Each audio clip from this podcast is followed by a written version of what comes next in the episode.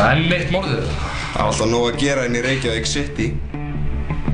Hættilegustu borg í heimi. Ég veit nú bara ekki hvað þessi borg væri ef að ef það væri ekki fyrir svona rannsóttanlörgum eins og okkur.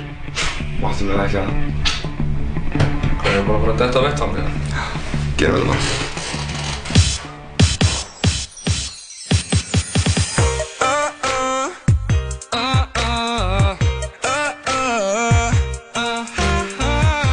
Þetta er tilengað öllum morðingjunum að núti.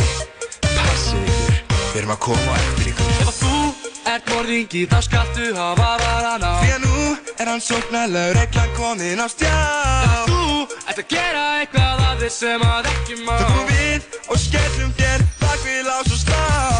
Við skoðum grunsamlegt gull, skínum saman alls konar rust Setjum það í lítinn póka sem að rennir til að loka. Við eigum alls konar dót, Vasaljós, jætt, sólgliru, jætt það vita allir að við erum Rannsóknar lauruglan, við finnum morðingjan Og við hann semum hann Þetta er hann sóknarlauruglan Rannsóknar lauruglan, er aldrei langt undan. Til að leysa vandan Þetta er hann sóknarlauruglumál Lauruglumál, lauruglumál Lauruglu, þetta er sóknarlauruglumál Lauruglumál, lauruglumál Lauruglumál, lauruglumál Já, rannsóknar lögum mál, gæðlega óskar glæpi Ingi Björg Guðið, verður velkominn Takk kærlega fyrir.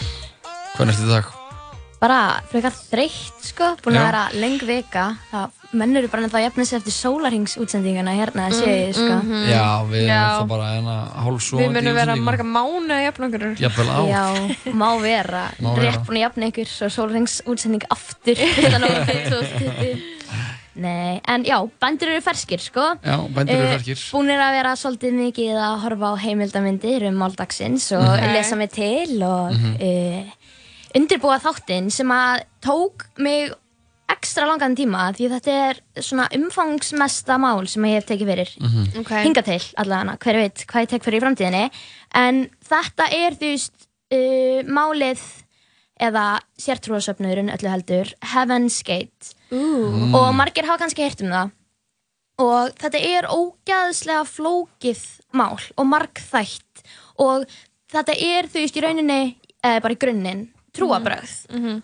og það eru tveir einstaklingar sem eru að leiða hann söfnuð. Þannig að það er til ógrinni af upplýsingum á netinu um þetta. Um hann söfnuð, um, um Marshall Applewhite og Bonnie Lou.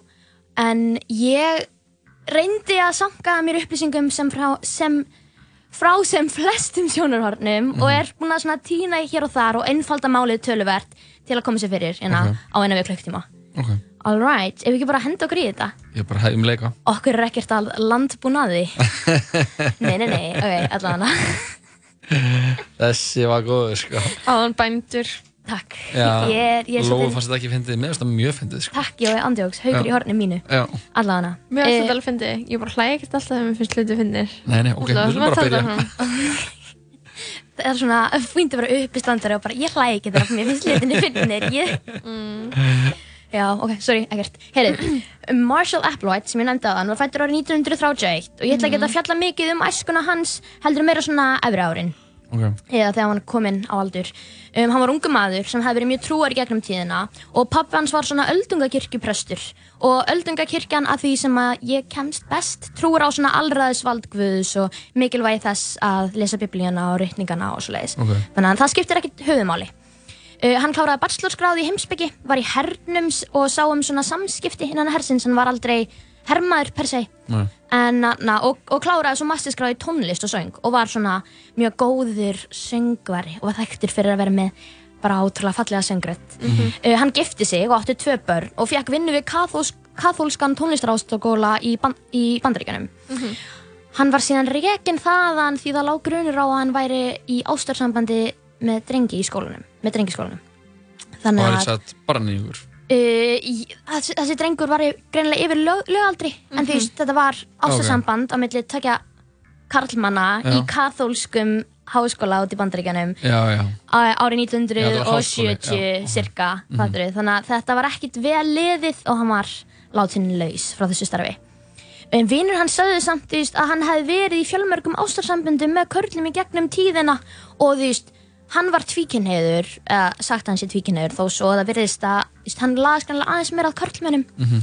og hann var svolítið þvingar til að koma út úr skápnum og þetta leiddi til mikillar vanlíðan af hans hálfu Mhm. og uh, þarna skilja, skilur hann við konuna sína og hann bara svona útiloka svolítið frá fjölskyldinni og er bara einn á báti hann sér konuna sína ekkert, börnin sín ekkert hann er bara einn Mhm.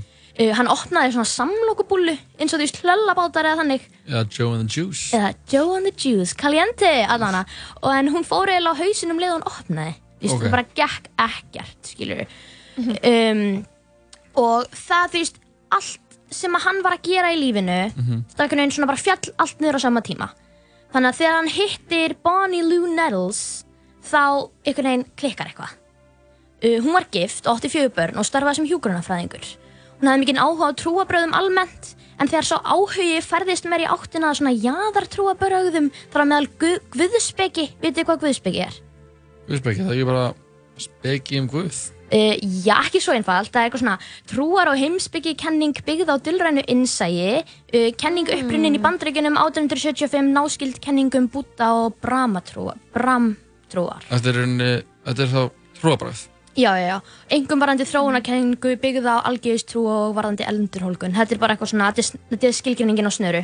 Ég hef aldrei heyrst um þetta. Ekki ég heldur nefnilega. Og hún hafði mikið áhuga á svona, já, trúabröðum og stjörnuspeki. Og maðurinn hennar var bara eitthvað svona, heyrðu, yeah, I didn't sign up for this. Nei. Og þeir skildu. Það var það Já, og hún, hún hitti þarna, þennan mann uh, Marshall Applewhite. Og hún var búin að vera að búa til svona stjörnukort og þetta er stundum gert á Íslandi þar sem að Já. yeah. það tekin fæðingastæður þinn hvenær þú fættist Jeps. og svona upplýsingar um þig og þá farið svona uh, chart eða töflu með upplýsingum um hvernig þú tekst á við hlutina hvernig persónuleika einkenni þín eru og mm Mhm. svoleiðis. Já, svona Áttu svona? Já. Já, og hún var að gera þetta og hún skrifaði pisla í héraðsblæðið og hún sagðist líka geta að tala við dögt fólk Ok, svona miðl Já, og hún var alltaf með miðla heima hjá sér og eitthvað og hún sagðist ofta að verið með dóttu sinni út í garði og hort svona upp til heimins og sagt bara svona pældi í hvað væri gott að einhver myndi koma og sækja okkur, við eigum ekki heima hérna. Þú veist, þeim, leið, þeim leið alltaf eins og þær voru þú veist, hún er dóttir hennar, Mhm. hún áttu önnu börn líka, þrjú önnur. En þú veist, þeim leið alltaf eins og þær væri einhvern veginn ekki á réttum stað. Ok, ok. Þannig að þegar að þau hittast og þau eru bæ, bæðið svona á krossgötum. Hann reikir nú starfi fyrir að vera í ástasambandi með dreng í einhvernum káðölskum háskóla. Mhm. maðurinn hennar er búin að skilja við hana því að hún er einhver svona uh, nord að að hans mati, skilju Hún er frík, já. Já, hún er freak, já, nákvæmlega. Þá einhvern veginn svona klikkar eitthvað hjá þeim. Og hann Mhm. byrður hann um að gera svona stjörnukort fyrir hana. Ok, og þegar hún hot. gerir það, já, þegar hún gerir það þá er hún bara eitthvað, sér hún að þetta sé, þú veist einhver stórmerkilegur maður og hún kemst að því að þau hafið þekkst í fyrra lífi og honum hef verið ætlað eitthvað stórmerkilegt í þessu lífi og allt sem hann hefði gengið í gegnum væri þess virði því honum var ætlað að takast á við einhvers konar verkefni og allt það sem hann hefði lært á lífsleginni væri til að undirbúa hann undir þetta verkefni Fattiði? mm -hmm. Uh, hann Ok. verður að sjálfsögðu mjög ánægur að heyra þetta og hann fær eitthvað svona tilgang í lífinu mm hann er bara eitthvað, ó já, eitthvað, ég, ég er ekki failure og þau byrja svona ástarlaust samstarfssamband. Svolítið svona, eitthvað svona hashtag Ok, svona ad eins og- dæmi. eins og mitt og Jóa bara. Já, já, já, nákvæmlega. Þú veist, þau trúðu ekki á samstarf. þetta er bara samstarf. Mhm. uh, þau trúðu ekki á kynlíf, ástuða losta. Ok, og það samband var bara þetta var bara svona stuðningssamband. Já. Ok, Fyr, og nice. þetta er svona Platónst platónst nákvæmlega. Og er rosalega, orð sem er rosalega mikið notað þegar verið að lýsa þessu sambandi og bara þeirra trúabröðum er svona spiritual og það er, mér finnst ekki vera neitt gott orð á íslensku yfir það Andlegt. Samband. já en þá andlegt það er meira svona mental eða svona getur gefur til kynna að það sem er eitthvað svona andlegt Er þetta að hugsa um eitthvað svona á næsta Já, plani? eitthvað svona eitthvað yfirnáttúrulegt og ég var hérna með dullrænu og yfirnáttúrulegu þróun þeirra og það var svona stuðningssamband þar sem Mm. að þau voru að hjálpa hvert öðru að veist þróast sem dullrænar og yfirnáttúrulegar verur andlega. Fattu hvað ég meina? Jeps. Þau opna bókabút sem að seldi bækur sem að stutti við svona þeirra hugmyndir. Hún lokaði mjög fljótt. Og þau opnuðu síðan svona hilsuhæli sem var svona uh, uh, svona hugleiðisla og eitthvað svona læra self-love og eitthvað svona Ok, það er náttúrulega í tísku núna Já, já, og Hvað þetta er, þetta? þetta er í kringum 1970 þannig að þarna er, Já, þetta er þetta svona wave er að byrja þetta þá. wave er svona hippie waveið er svona tiltrölan í búið á þessum tímpundi eða Mhm. svona að dvína þannig að þetta er allt svona að taka við að hvert öðru Mhm. og það er einmitt svona pínu eitthvað sem ég kemur kannski ekki alveg nóg vel inn á gott að hafa það í huga á, á þessum tímabili á þessu tímabili að þá var rosalega mikill markaður og fólk var voðalega svona opið fyrir science fiction bókum og svona, Já, þú veist, ok, alls konar ok. svona hugmyndum um yfirnáttúrulega hluti og svona kristallar og eitthvað svona, já, þú veist Ilmkerti og... Já, ilmkerti og að læknast með einhvern svona nálastungum og eitthvað svona. Svona það sem stónirar í dag eru Já, nákvæmlega. Það, fyrir sem að, það. í, það sem að við lítum á sem jaðramenningu í dag kannski og eitthvað sem að okkur finnst bara að vera algjört kjaftaði var ekki jafn mikið kjaftaði fyrir hvað, 40 árum. mm. Fattu hvað ég meina? Þannig að Mhm. þetta er svona pínu menningin sem að var í gangi. Um, í stuttum máli þá stigmagnast alltaf samband þeirra ekki kynferðislega, heldur bara svona andlega fattið, þeir vilja alltaf fá eitthvað svona þeir eru bara svona, á við þurfum að gera þetta og þetta og þetta. Og þeir eru alltaf að leita eitthvað með svona æðri tilgangi. Og þeir áttu að sjá því að til að framfyl, framfylgja þessum tilgangi sem að Guð áætlaði, ætlaði þeim skilur að gera, þá þurftu að fara frá Houston og árið 1973 skilur Bonnie öll börnin sín eftir og heldur með Marshall á vit ævintýrna sem þið ferðast um gerfill bandaríkin. Skilur hann börnin sinni eftir, hún? Já, hann var búinn að hann var búinn að missa alla tengingu við börnin sín og öll samskipti og hún bara svona yfirgefur þau til að the halda áfram journey. Já, til að halda áfram Beilar með bara. Marshall beilar á þau, alveg.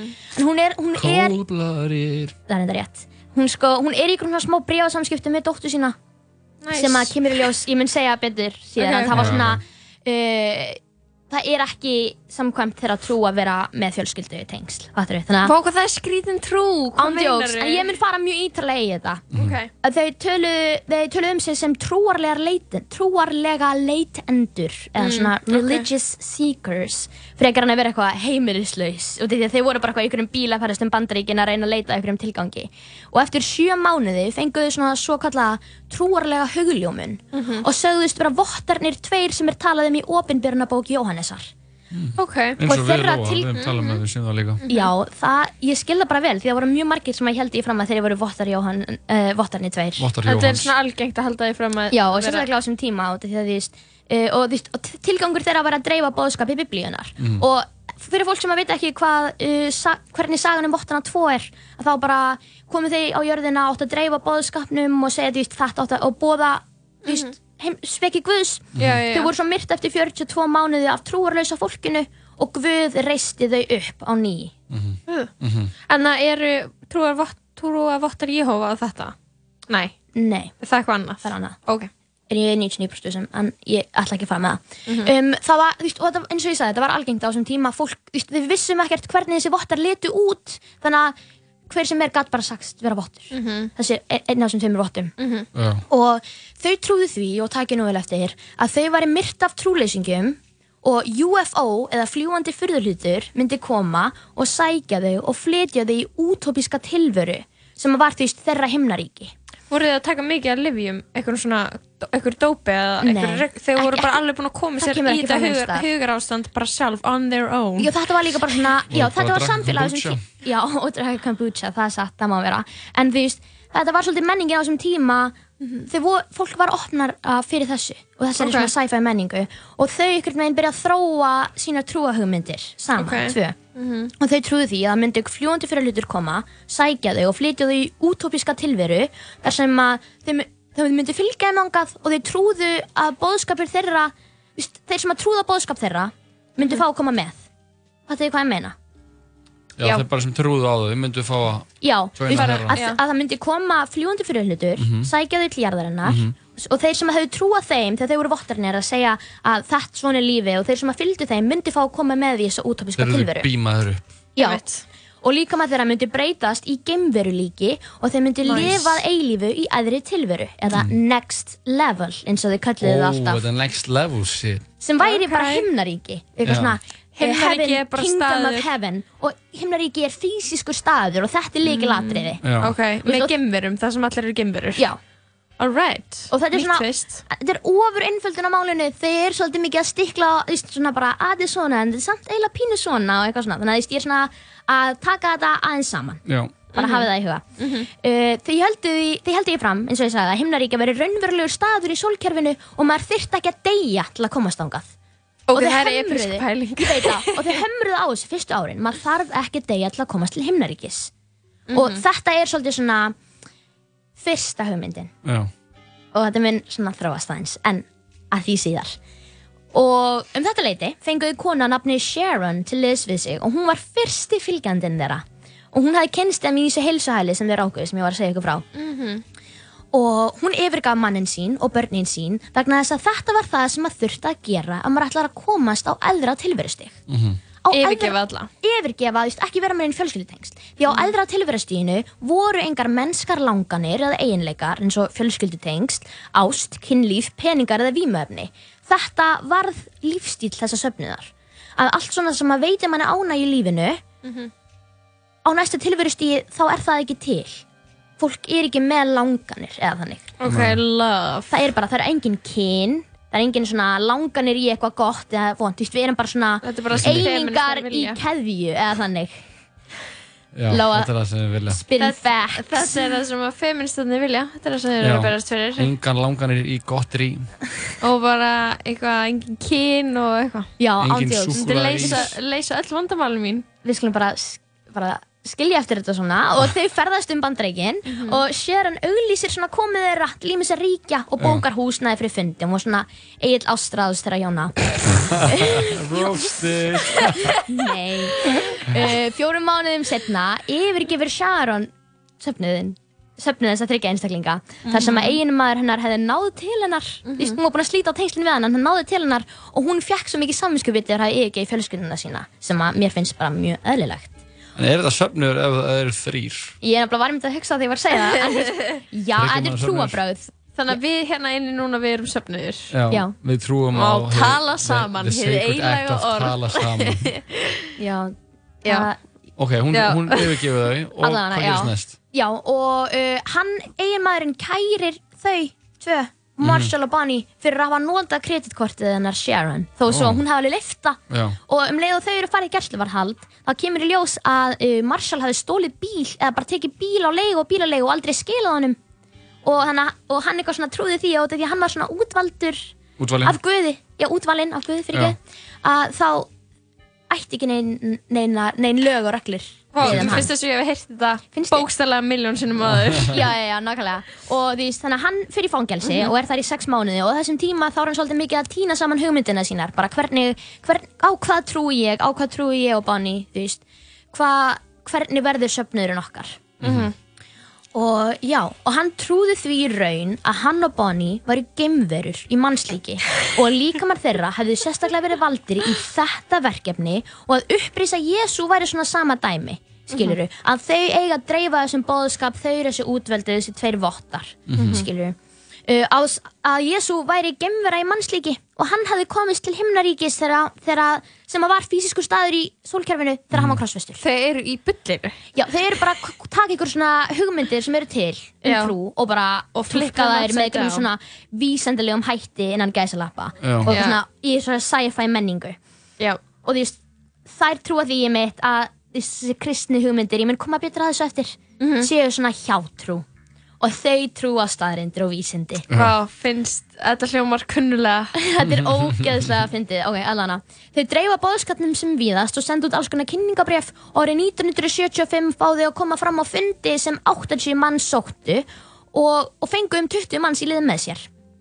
Og þetta fólk fekk svona nokkra daga til að gefa frá sér allar eigur og slíta öll fjölskyldu og vinatengst. Það er svo sikk að maður þurfa að gera það. Ég veit það og elda Marshall og Bonnie og þau voru bara farin af stað eitthvað annað. Ok. og þetta var svona nokkuð skona próf fyrir nýja meðlimi. Þú veist, ef að þið getið slítið öll tengst að þið getið pakkað saman öllu dótun okkar og fundið okkur hvar sem við erum þá megið þið vera með.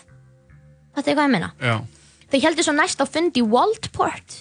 Heitir þetta, bara svona staður í Oregon? War, Wa- Waldport.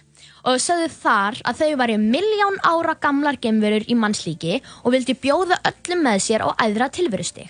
Skítugar og ósiðprúðar mannverur hefðu eðilagt jörðina og það þyrfti að endurvinna hana innan svega. Þau eru í rugglinu. Ég veit, allir þeir sem til væru í að skilja allt eftir, bara fjölskyldu, vini, eignir, væri bóðið að fylgja Marshall og Bonnie til himnaríkis, sem er fysikal staður og maður þarf ekki að deyja til að fara þangað. Þú veist, þeir eru bara að segja bara svona, það, það er við að fara að endurvinna jörðina, við erum að reyna að segja ykkur að þetta er að fara að gerast, ef þið trúið okkur þá skulum við bjarga ykkur og þeir með koma með til himnaríkis, next level eins og ég kallið það. Next level. og þau kölluðu söfnuði sinna á þessum tímapunkti Human Individual Metamorphosis eða skamstafað HIM og því að þau trúi því að þegar þau verða gemverur það er svolítið eins og þegar að lífurur verða flug, hvað heitir það? Feðrildum. Fyririldum, já, fatti, farið svona púpu og svo breytast þeir með svona líf, líffræðilegum ferlum í fyririldi. Þannig að þeir trúðu því, svona, og það er svona metamorphosis. Mér finnst svo klikka að þau hafi náðu einhvern veginn að komast inn í þessar hugmyndir. Já. Veitir hvað við? Þú veist, hvað þarftu, hvað þarftu eiginlega, þú veist, þú veist bara svolítið svona, Hvað þú veist að vera lengi Já, af að- veginn í að- hugsun til þess að vera komið þangað og vera bara eitthvað Já, og láta þetta lógist meika sans fyrir þér. Bara, já, með þess að magna, sko. ég er basically púpa núna Já, allan að sex mánuði í fangelsi, Lóa, þá getur þú bara að hugsa um ykkur að klikkaða hluti og það er allan að sem hann gerði. og það gerði fólk þegar það var ekki alltaf í símanum Já, það er rétt. Ándjóks, pældi í hverju Lóa væri búin að taka upp á, hún væri ekki alltaf að tvíta, þau fengi ekki ég ekki, fyrir þetta. vil ekki ímynda með það sko. Nei, ekki heldur. Bonnie og Marshall sögðust hafa 1240 daga til stefnu og voru að sapna öllum þeim sem þeir gáta á þessum tíma eins og Jésu var að segja því öllum að fylgja sér. Þeir, þú myndi ekki lifa í myrkri dæmi. Og þetta var í einstakt tilbúð þetta gerðist bara á miljón ára fresti. Of course. nákvæmlega. What a quinkering en þetta, en það voru svo mjög stránga reglur fyrir fólk sem að fylgdi þess sem ætlaði að fylgja þeim. Já, ekkert áfengi. Engin góður matur, ekkert sem að veitir ánægju við að borða Einmitt. ekkert kynlíf, engin vímefni og bara allt sem að veita manni ánægju í rauninni var bannað. Mhm. svo það, svo að, og hugmyndin var að þannig að þú værir tær og hreitt á næsta tilverustígi Já, þetta er bara feminismi já, Lóa er bara að leiða þess að gerast. Er bara svona, já, heldum að fram ég fann upp á þessu. Þetta er bara þeirra hennar. Já, já, þið, me- þið með eiga þennan brandara fyrir ykkur. Um, Allir meðluminir voru krúnurakaðir og klættust alveg eins fötum og þeir máttu ekki skilgreina kyn það voru allir eins. í. Já, Jói benti mynd á skallan á sér og bara Ég krúnurakaður er öllu svörtu. Öllu svartu Þú ert svolítið eins og Heaven's Gate meðlumir núna, sko grínlaus. Shit, vel gert. Ok, On brand. On brand, Heaven's Gate. þetta Þetta er, þetta er fóngin fyndið, ok. Marshall fór setna til Mexíkó með sjö öðrum í söfnuðunum að láta gelda sig svo hann myndi ekki, svo hann myndi ná að þroskast andlega á nokkur svona kynferðislega kynferðislegra trublana Ok. Þannig að víst, hann myndi, og hann var náttúrulega hann aðlaði svo mikið að karlmönnum Er að hann var svo halda því niður? Já, hann var gett mikið að reyna að hemja það hann var hrættur við fattur við þannig að hann var bara, ok, ég ætla að gelda mig problem solved Kongur Ég tengi. Á þessum tíma fór söfnuðurinn í félur vegna mikillar fjölmiðla umfyllunar sem hefði átt sér stað í Oregon um söfnuðun skiljanlega. Það voru bara eitthvað 20 mann sem að slitu öllum tengslum í fjölskylduna sína og voru bara bye, því Já. veist, þið munið aldrei sjá okkur aftur. I'm outie Þannig að þau fóru í félur og þau voru pöruðu tvö og tvö saman eftir kynneigð. Út af Ok. því að, og þannig að þú veist, ef að, segjum sem svo að ég væri samkynneigð og kona, fattur þau, þá var ég pöruð í par með annari konu. Þannig að við myndum læra að standast freystingar. Já, Og, þannig, og þannig var pörunum hátta, að þú veist, eftir kynneigðinni. mhm Uh, á þessum tímapunkti, já, veist, en þetta er, þetta er bara hugmyndafræði og þetta verður, allt, þetta verður verra, ég er að segja ykkur það. Á þessum tímapunkti gekk söfnuðurinn þannig fyrir sig að fólk vaknaði á daginn, fundu félaginn sinn í parinu og svona, hæ, þú vaknaðir eitthvað, skilur, þú veist, fóru til Bonnie og Marshall og fengu aukskýrtinni sitt og bíllikla sem þurftu alltaf að tjekkin þegar þeir fóru að sofa og fóru bara um bandaríkin og voru að reyna að fá flera, fleiri í söfnuðin. Ok. Já. Hva, hversu, þú veist, hversu vel gekk það? Þú veist, hvað erum við að tala um að þessi komni margir núna? Hvaða ári er? Það gekk mjög illa að gera þetta. Þú veist, það var ekki, það var Wonder svona why. það var alltaf lítið utanumhald og þeir voru ekki enda búin að koma með eitthvað svona skýra stefnu fattu hvað ég meina? Nei, bara Og að þú fara er bara obviously craziness. geggjað, við erum að fara hérna allir himnaríki svo þetta er fysisku staðir og eitthvað svona. Við erum öll eins. Við erum púpur. Pældi því að Jói myndi bara hann mæta eins og hann er, krúnurakaður skiljur í bara alveg eins fötum með, einhver, með lóu krúnurakaður líka bara. Við vitum einn stað. Hann Við myndum fá fleiri. Já, við myndum fá fleiri í kalti heldur en 30, sko. já, ok. I think so. en bara eitthvað svona pæli samt, mér finnst þetta svo absúrt eitthvað því það kemur ekkert óvart að þetta hafa ekkert gengið en því veist, og eftir þetta þá byrjar svona fólk að detta úr söfnuðinum því að það var ekkert verið að fylgjast með þeim á daginn. Þannig að þau fóru bara að drekka og dópa og því veist, gera hluti sem þeir átti ekki að gera tala við fjölskylduna sína og það er svona flosnu, flosnuðu mjög margir upp úr þessu. Og til að sporna við þessu ákveði Bonnie og Marshall að festa rætur sínar í Wyoming árið 1976 Ó. og sáu þar um alla kennslu. En eftir þessi breytingar þá komst miklu meiri regla á söfnuðin og nú var svona nýliða söfnun lokið og nú var bara kennslan sem að hófst, skilur og söfnuðurinn byrjar að starfa af alvöru og fekk það nafn sem við þekkjum hann í dag Heaven's Gate Heaven's Og Gate. hvernig náðu þau að vera með peninga til að lifa? Sko, þau voru á mjög tökmörk, þau voru stundum að svona betla á gödunum og ég kem líka á eftir, þau gerðu svona ímsa skringilega hluti. Til þess að fá money? Já, svo því setna þegar þið fara að reka vefsíðu, þá verða þið rosalega góðir í að forrita vefsíður og fara að forrita vefsíður fyrir fyrirtæki. Byrju, Heaven's Gate 1976 fara að forriða vefs? Nei, nei, það er bara setna, eftir 20 ár. Ó, En- þannig að það er í gangi líka- á ógeðslega lengi. Já, já, já, við hefum ef svo mikið eftir, sko. Og, en líka í mannuna á þessum tímapunkti að þá því styrtuðu meiri peninga. Þannig að söfnuðurinn fór að vinna á daginn og kom svo aftur og þá voru þið orðin svo tilengu söfnuðunum að þetta hafði engin áhrif á þau. Þannig að þau voru að nota svona krókaleðir til að fá sér til að safna inn pening og allur skil. peningurinn sem að fólk þjánaði fór bara í söfnuðin. Þannig að, já. Uh. Marshall og Bonnie kölluðu sig ýmsum nöfnum í gegnum tíðina. Þau fengu ykkur svona nöfn hjá okkur um svona hugleiðsluga eigum og eitthvað. En Doe fyrir Marshall og T fyrir Bonnie eru þau nöfn sem þau fjallust á að lokum og þetta voru nöfnin sem þau heldu bara út. Doe og T. Doe og T. Ég mun ekki kalla þau þetta, en þú veist, að þau googlið þetta og eru að sjá myndböndin sem þau gera, þá þú veist, er alltaf að tala um Doe og T, einhvern veginn. Dó. Doe, og þetta eru, og þetta eru nótur í Do-Re-Mi skalanum, fattu? Do-Re-Mi, fa, sol, la, ti, do, þú veist. Og Þau meika ekkert sens. Ég veit, Þau en hann var svona tónlistarunnandi En samt var tónlist ekki lifð í söfnuðunum út af því að það var svona unun, fatturu En samt eru þeir að skýra sig eftir svona tónlistanótum Þeir eru alltaf að skarast á við það sem að þau eru að segja Það sem að þau segja að megi Þau eru gera bara að bulla. Þetta eru bara, þetta eru bara hræsnarar Það er ekki hægt að vera konsistent í bulli. Og nákvæmlega það sem ég var að segja ykkur áðan muni með að Bonnie var alltaf að heyra í dóttu sinni einu sinni í mánu með að senda henni bréf og eitthvað og þetta var bara mjög leynilegt og, það, og, þú veist, og hún var alltaf að segja dóttu sinni að hún mætti alls ekki segja neinum að hún var að hafa samband og eitthvað svona þeir eru, þeir, þeir eru bara hræsnarar sko Þau eru bara bulla. Þau eru full of shit. Bulla, það er rétt og býttu bara, sko. Uh, Bonnie var alltaf með yfirhöndina í allri kennslu og Marshall spurði hann alltaf spurninga sem hún svaraði að kostikefni. En það var samt ímislegt í kennslu þeirra sem að bara ekki alveg saman. Þið gáttu ekki svarað um spurningum um himnaríki, því hvernig himnaríkið lít, myndi líta út og hvernig maður kæmist angað og þau voru alltaf að gera eitthvað svona skrítið. Þú veist, hefur ekki séð svona tónkvísl Jú. þau svona börðu á tónkvísl og settu það svona mitt á höfðin veist, fyrir sömu tíðinni, fattu þið og settu á hö höfuðið á öllum í söfnuðinum til að koma öllum á sömu bylgjulengt þau gerðu það. Þau gerðu Til að koma það. öllum á sama vibe. til að koma þú veist, ennsku bylgjuleik. on the same wavelength Já. Með tónkvíst. já, bara eitthvað svona ding og svo á höfuðið á fólki og þeir tölu alltaf þvert já, og þeir tölu alltaf þvert á hvort annað veist, og var eitthvað svona dagsetningin á endalokum heims var alltaf að breytast. Þetta er ástæðan er fyrir- morgun. Nei, ó, æ, já, ok, þetta gerist ekki. Ok, þetta er eftir fimm vikur, eitthvað svona. Þa, þetta er ástæðan fyrir að það er best að vera kallt lítir bara einn. Já, Já. Þú þarfst ekki að s- s- annað samræma söguna með einhverjum öðrum. það er enda rétt. Hvaðna, þannig að voru, af hverju voru þið byrjað að tala um heimsendi? Út af því að það voru eitthvað svona bara Því að heimurinn átti að endurvinnast Endurvinnast. Þess að þetta endurvinna heiminn Var, ég- Sagði það ekki? Jú, þú sagðir það.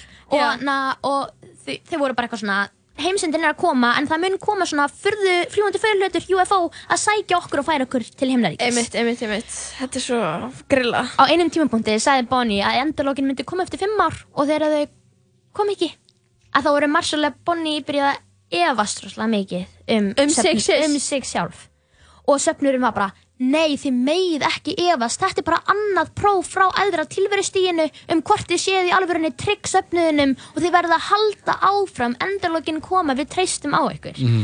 það voru allir heila þögnir Já. og árið Þetta er 1985 þá deyr Bonnie eftir að hafa greinst með krabba minn sem var bara á fjórðastígi og hún dó nokkrum vikum setna og þetta hafði ótrúlega mikil áhrif bæði á Marshall og söfnuðin því að meðlugum söfnarins var alltaf sagt að þau gæti ekki dáið náttúrulega með venjulegum döðda Já. að gemverðan inn í Ah, þeim ah, myndi ah. alltaf græða þau innanfrá Já. Geimveran innan í þeim. Já, og Myndi Marshall alltaf græða þau innan frá. Já, og Marshall segir þá að andi hennar, geimfrandin hennar, hafi verið of sterkur fyrir líkamennar og hann hafi þurft að, hún hafi þurft að yfirgefa tilveruna þess vegna. Og hún myndi býða þeirra á næsta tilverustígi. Og á þessum tíma byrjar Marshall að segja söfnunum þeirra, söfnunum að líkama þeirra, líkt og líkami Bonnie væri ef til vill of veikburða fyrir gemvurandan sem að bjó innra með þeim og þeir þurftu að frelsa hann til að komast á aðra tilvíðstöðu Þannig erum við komin að einhverju freaky shit Já. Fattu hvað ég, hvers vert ég að fara með þetta? hann vill að þau degi Þarna er hann farin að íja því að þeir gæti þurft að fremja sjálfsmorð. Og þetta fór þvart á það sem að Bonnie og Marshall höfðu sagt áður að þau gætu farið í sínum eigin líkama án þess að deyja til himnaríkis á næsta tilverustig og að geimverunar myndi breyta líkamum þeirra í geimverur. Hann bara, er hann þreyttur að vera kallt lítur og vill losna við Já, þau fjöla hann, er alltaf svona að breyta reglunum, fatið, og þróa þær með sér. Og Maður í stöðri þróun. Já, já, já, eins og maður Maður í alltaf mótun. maður í mótun, maður er alltaf betur um bæta sjálfum, sjálfan sig og söfnuðin sinn sko. og þarna byrjar söfnuðurinn smátt og smátt að breytast og byrjar svona að melta það hugmynd að þetta gæti verið eina leiðin til að komast á eðra tilverustig. Mm hlusta á þetta. Þá, þau trúðu því einni að veri til nokkur skonar Lucifer skemmverur og allt slæmt í heiminum væri þeim að kenna. Að raðmörðingjar, stjórnmálamenn þetta var allt svona eins og lizard people. Hafið þið heyrt um það? Já, Jöp. þetta Já. er bara lizard people. Já, og þetta væri þannig. Og þú veist, öll trúabröð sem að fólk trúði á væru þarna spunnin upp af Lucifer-skemmurum sem að vildu ekki að fólk myndi vita af himnaríkinu sem að er í alvörunni til og þessum Já. gemverum sem að vilja þeim gott. Einmitt. og að þú veist, þau væru henni einu sönnu og að allir englar sem að fólk hefði segið gegnum tíðina væru raun gemverur og að gemverur byggðu píramítana, Stonehenge og fleira og fleira. Þú veist, og þeir sagðu að allt þetta kristna sem að fór gegn þeirra reglum Já, það er allt just kristið svo sem skýrnir, brúðkaup, jarðafarir að það var allt áróður kristna manna til að dreifa boðskapi sínum Fattur þau? Mhm. Og því að, það- af því að kristnir menn eru Lucifer skemmurur þess vegna reyna þeir að dreifa já, boðskapið þvert á boðskap Heaven's Gate. Fattu þið hvað ég meina? Já. Og kristni sé hjátrú á meðan að Heaven's Gate væri vísindarlega rökstutt trúabrakt Já, það er Með fullt af vísindum. Hann geti staðfest, eða svona fullir það. Já, og söfnuðurinn þarna leit á, veist, all, all kraftaverk væri, ger, væri gjörðir gemverana og að veist, og að vísindamenn sem voru ekki að taka undir með þeim, skilur, væru svona Lucifer-skemmurur líka. Skemmur þetta er allt svona ótrúlega skrítið. Þeir eru eitthvað svona, þú veist, trúin okkar er veist, þetta er, er rauksita vísindum en samt eru sumir vísindamenn sem eru ekki á okkar blaðsíðu, ekki á okkar bylgjulengd, líka Þeir Satan. Þeir eru, þetta er ógæslega skrítið. Og þeir færðu starfsumma sína á internetið árið 1990 og síðan sem þið notuðu er ennþá til í dag. Hvað heitir hún? hún heitir heavensgate.com Já.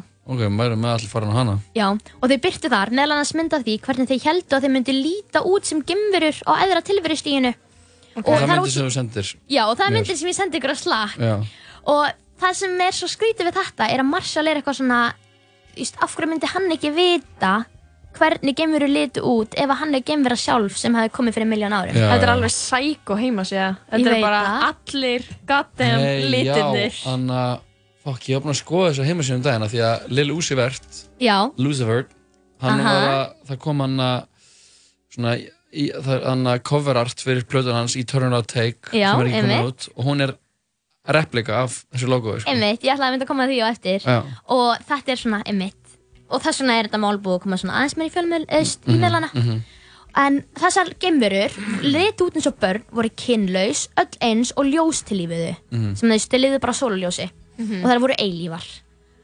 Og þetta voru, ein, þessi einkenni var söfnurinn einkenni safnaðarins voru þessi myndbönd sem að Marshall Applewhite var alltaf að byrta hafið þið séð eitthvað svona myndbönd? Hann var samsagt alltaf að byrta svona myndbönd sem voru svona klift svona svona. Já, og hann var bara svona, æ, þetta var svona lítill rammi en alltaf fattu verið með útvarpi. Já, bara svona brjóstmynd. Brjóstmynd, það sem hann líst var bara með eitthvað svona ótrúlega tilfinningaþrungna predikun.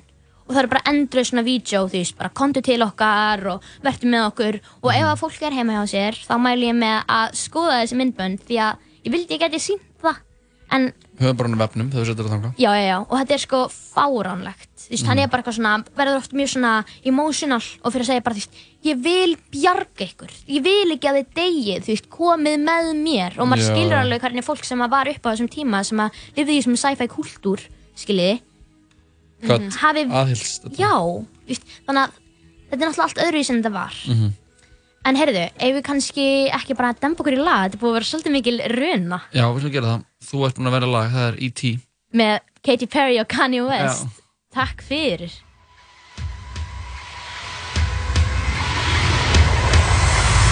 I got a dirty mind. I got filthy ways. I'm trying to bathe my aid, aid in your Milky Way. I'm a legend. I'm irreverent. I be reverent. I be so far. Uh, uh, uh. We don't give a fuck. Uh, oh. Welcome to the danger zone. Step into the fantasy. You are not invited to the other side of sanity. They calling me an alien, a big headed astronaut. Maybe it's because your boy Yeezy get ass a lot. You're so hypnotizing. Could you be the devil?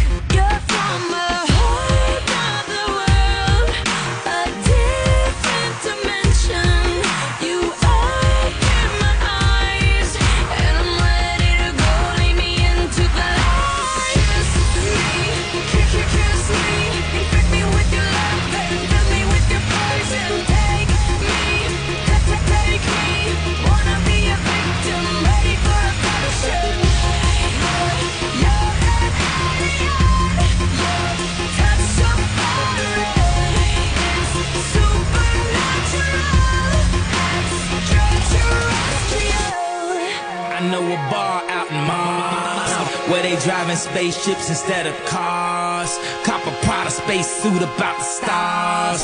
Getting stupid high straight about the jaws. Pockets on Shrek, rockets on deck. Tell me what's next, alien sex. I'ma disrobe you, then I'ma probe you. See, I abducted you, so I tell you what to do. I tell you what to do, what to do, what to do.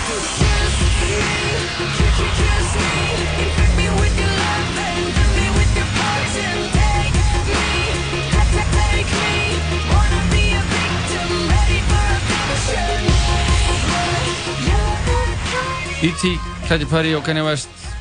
Ingeborg Eða er með liðin Gjallurarska glæpi í gangi og hún er að segja eitthvað frá Heaven's Gate málunum. Já, emmitt Sértrú á söfnuðunum. Já, og þetta, ekki hjátrúar, þetta er náttúrulega trú á vísindin Já, trú á vísindin, jú, Það er rétt, jú. það er rétt En núna fyrir svona meiri þungi að farast í málið og svona spennandi hlutir að gerast ok. Þannig að eins og kannski diggir hlustendur liðsins eða bara útvarpsins þekkja það árið 1900 1993 gerist Waco umsátrið umsátrið Emitt. Þannig að David Koresh var með 76, þú veist, það- það létu 76 manns inn í Mount Caramel eftir umsátur, svona sértrúasöfnur Mhm. út af því að þau hefðu sankað sér ótrúlega mikið af ólegum vopnum Mhm. og Marshall veldi fyrir sér hvort að fylgjendur hans myndi vera jafn traustir se- og, og fylgjendur Koresh og á þessum tímapunkti það voru þau svona cirka, þau voru 39 39 til svona 42 Já. í söfnuðunum á þessum tímapunkti Mhm. sem voru búin að vera þarna í mjög langan tíma sumir hverjir bara í 20 ár Vá Þannig að við erum búin að fara stikla svolítið mikið á stóru Já, já. og hann svona leggur til að þau fara að sanka að sér vop- vopnum og sumir í sopniðunum Bara halda svona því af fram ja, ja, sumir í sopniðunum heldur því fram að hann var að gera þetta svo ATF, þannig að Bureau of Alcohol, Tobacco and Firearms Já. hefði afsökun til að koma og bókstæðlega drepa alla eins og það hefði gerst í Waco því að veist, eins og sagan sem ég sagði áðan með opinbyrjana bók Jóhannesar og, og Vottana 2 Já. að þú veist, þeir væru þessir bóðberar trúarinnar mm og trúleysingjarnir myndu drepa þau, myrða þau og þeir myndu rísa aftur upp og þetta myndi þá. Já, og þá myndi þetta endur spekla þá sögu ef að ATF myndi drepa alla í Heaven's Gate. Þetta er hvað ég meina. Og þetta væri svona endurrisa. Og þessum tímapunkti var hann farin að pæla meira og meira í sjálfsmörði, fatturu. Og hann spurði alla, og þeir fóru yfir til að sanga sér, eh, til að safna penning, fóru þeir í svona skemmu og byrja að prófa svona tjöld að náttu til. Áttu bara að gist í ykkur svona tjöldum og prófa ykkur útivistabúnað, eitthvað. Og hann Til svona... þess að fá peninga. Já, já, já. Low wave eitthvað. Já, nákvæmlega. Og hann svona spyr alla, bæðið bara yfir hópinn og undir fjögur augu, myndir þú drepa sjálfa þig fyrir Heaven's Gate til Já. að komast á aðra tilveru stig? Já. Og það var íst, og ef þú sagðir nei, flestir sögðu já. Ef þú sagðir nei, þá var bara ekkert mál, en það máttu samt ekki vera með. Þá trúur ekki gildisafnaðarins. Hann var ekkert, hann var ekkert eitthvað svona pirraður, hann var bara, veist, þá getur ekki verið með, bara því meður. Nei. Og, Relatable.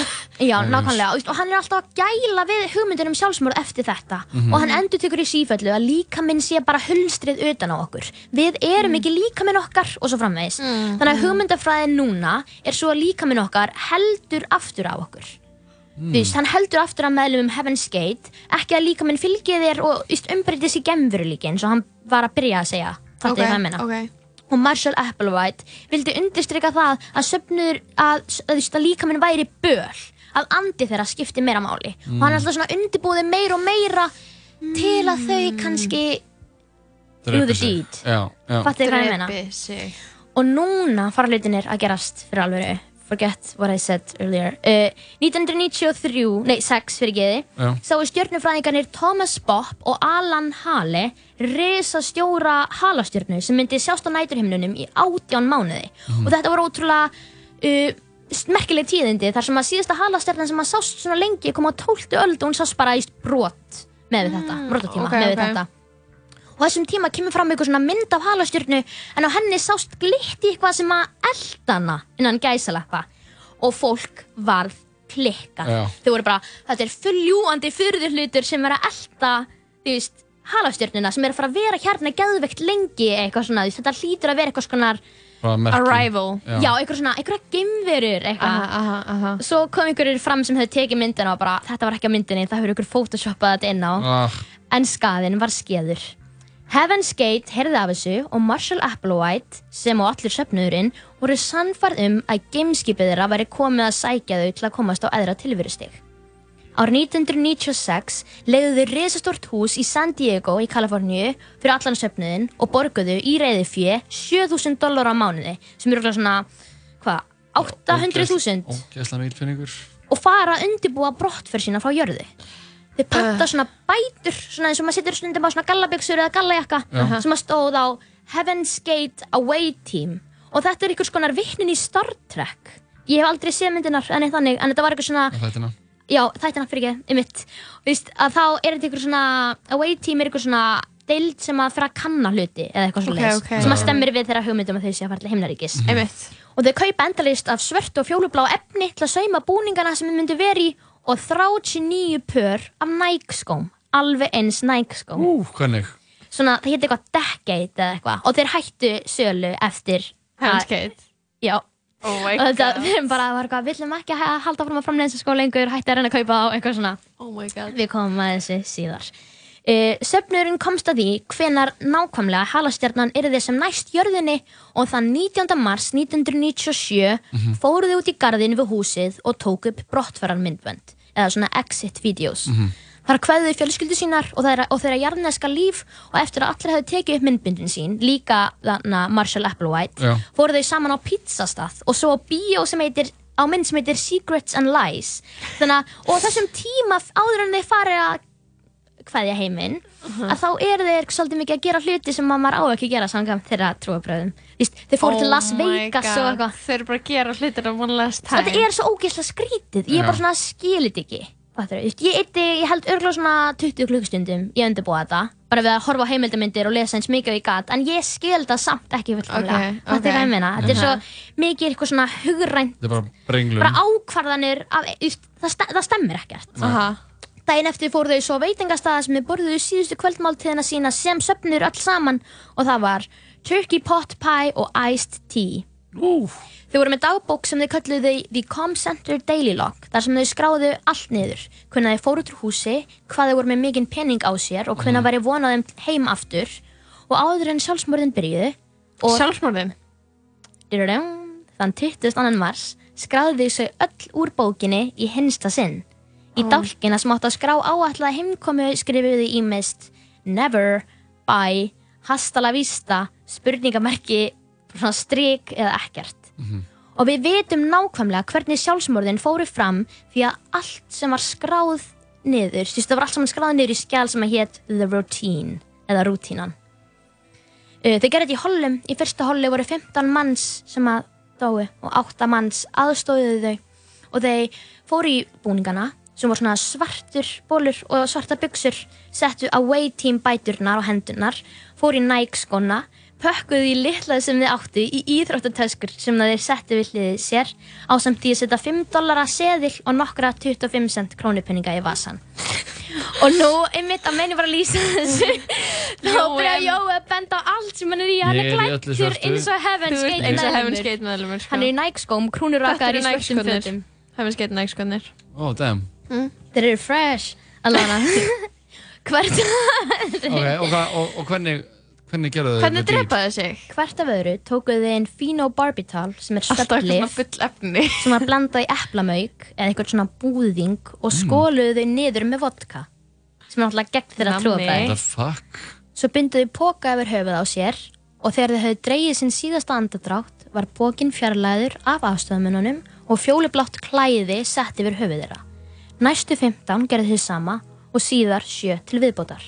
Þar á meðal Marshall Applewhite. Þetta er spooky Þessir tveir sem voru eftir höfðu enga aðstofamenn og því fjarlægði engin plastpókana af þeim og breytti fjólubláa yfir þau. Æjæj Og þetta tók þrjá daga. Og þetta gerðist einhver starf á tímabilinu 20. annan, 20. annar til 27. mars. Og þau drápu sig öll Öll. Allir, Hvað voru þau mörg? 1997, allir meðlumir safnarins, 39 talsins, 21 kona og 18 karlmenn á, á aldrinum 26 til 72 ára. Og þetta er enn þann dag í dag stærsta fjölda sjálfsmóður sem hefur átt sér stað í bandreikunum. Og Heaven's Gate, til að svona tryggja það að einhver myndi finna þau, sendi nokkrum fyrrum meðlumum svona FedEx-pakka með tveimur myndbandsbólum. Dose Final Exit sem var Marshall, nicknamið hans, Já. og öll brottfara vídjóin hjá öllum sem voru í söfnuðinu. Hvað er brottfara vídeo? Það er sem ég voru að tala um á þeir fóru í tala garðinn og tók upp svona kveðvíur fyrir Já og, heiminn. það, og, já, og, bref, og bref með sem að stóð á We have exited our vehicles just as we have entered them og þetta er það sem við vorum alltaf bara að tala um hann líka með sem eitthvað svona hulst Já, já. Fattu ég hvað ég meina? Púpan. Kannski var líka minn hulstur út því að þau voru aldrei að gera neitt skemmtilegt og þau voru orðin styrluð og að betla peninga Já. skilur við Já, eða bara þau voru all heila þau af Púputime. Marshall Applewhite um, Einn af þeim sem fekk hann pakka var Rio D'Angelo Hann fer á staðinn, sér hvað hefur gerst og ringir á laurugluna þann 27. mars árið 1997 Vitað er að að minnskosti þrýr fyrir meðlimur Heaven's Gate frömdu sjálfsmorð síðar meir í þeirri vonum að hitta söfniðin handan móðunar miklu. Vá.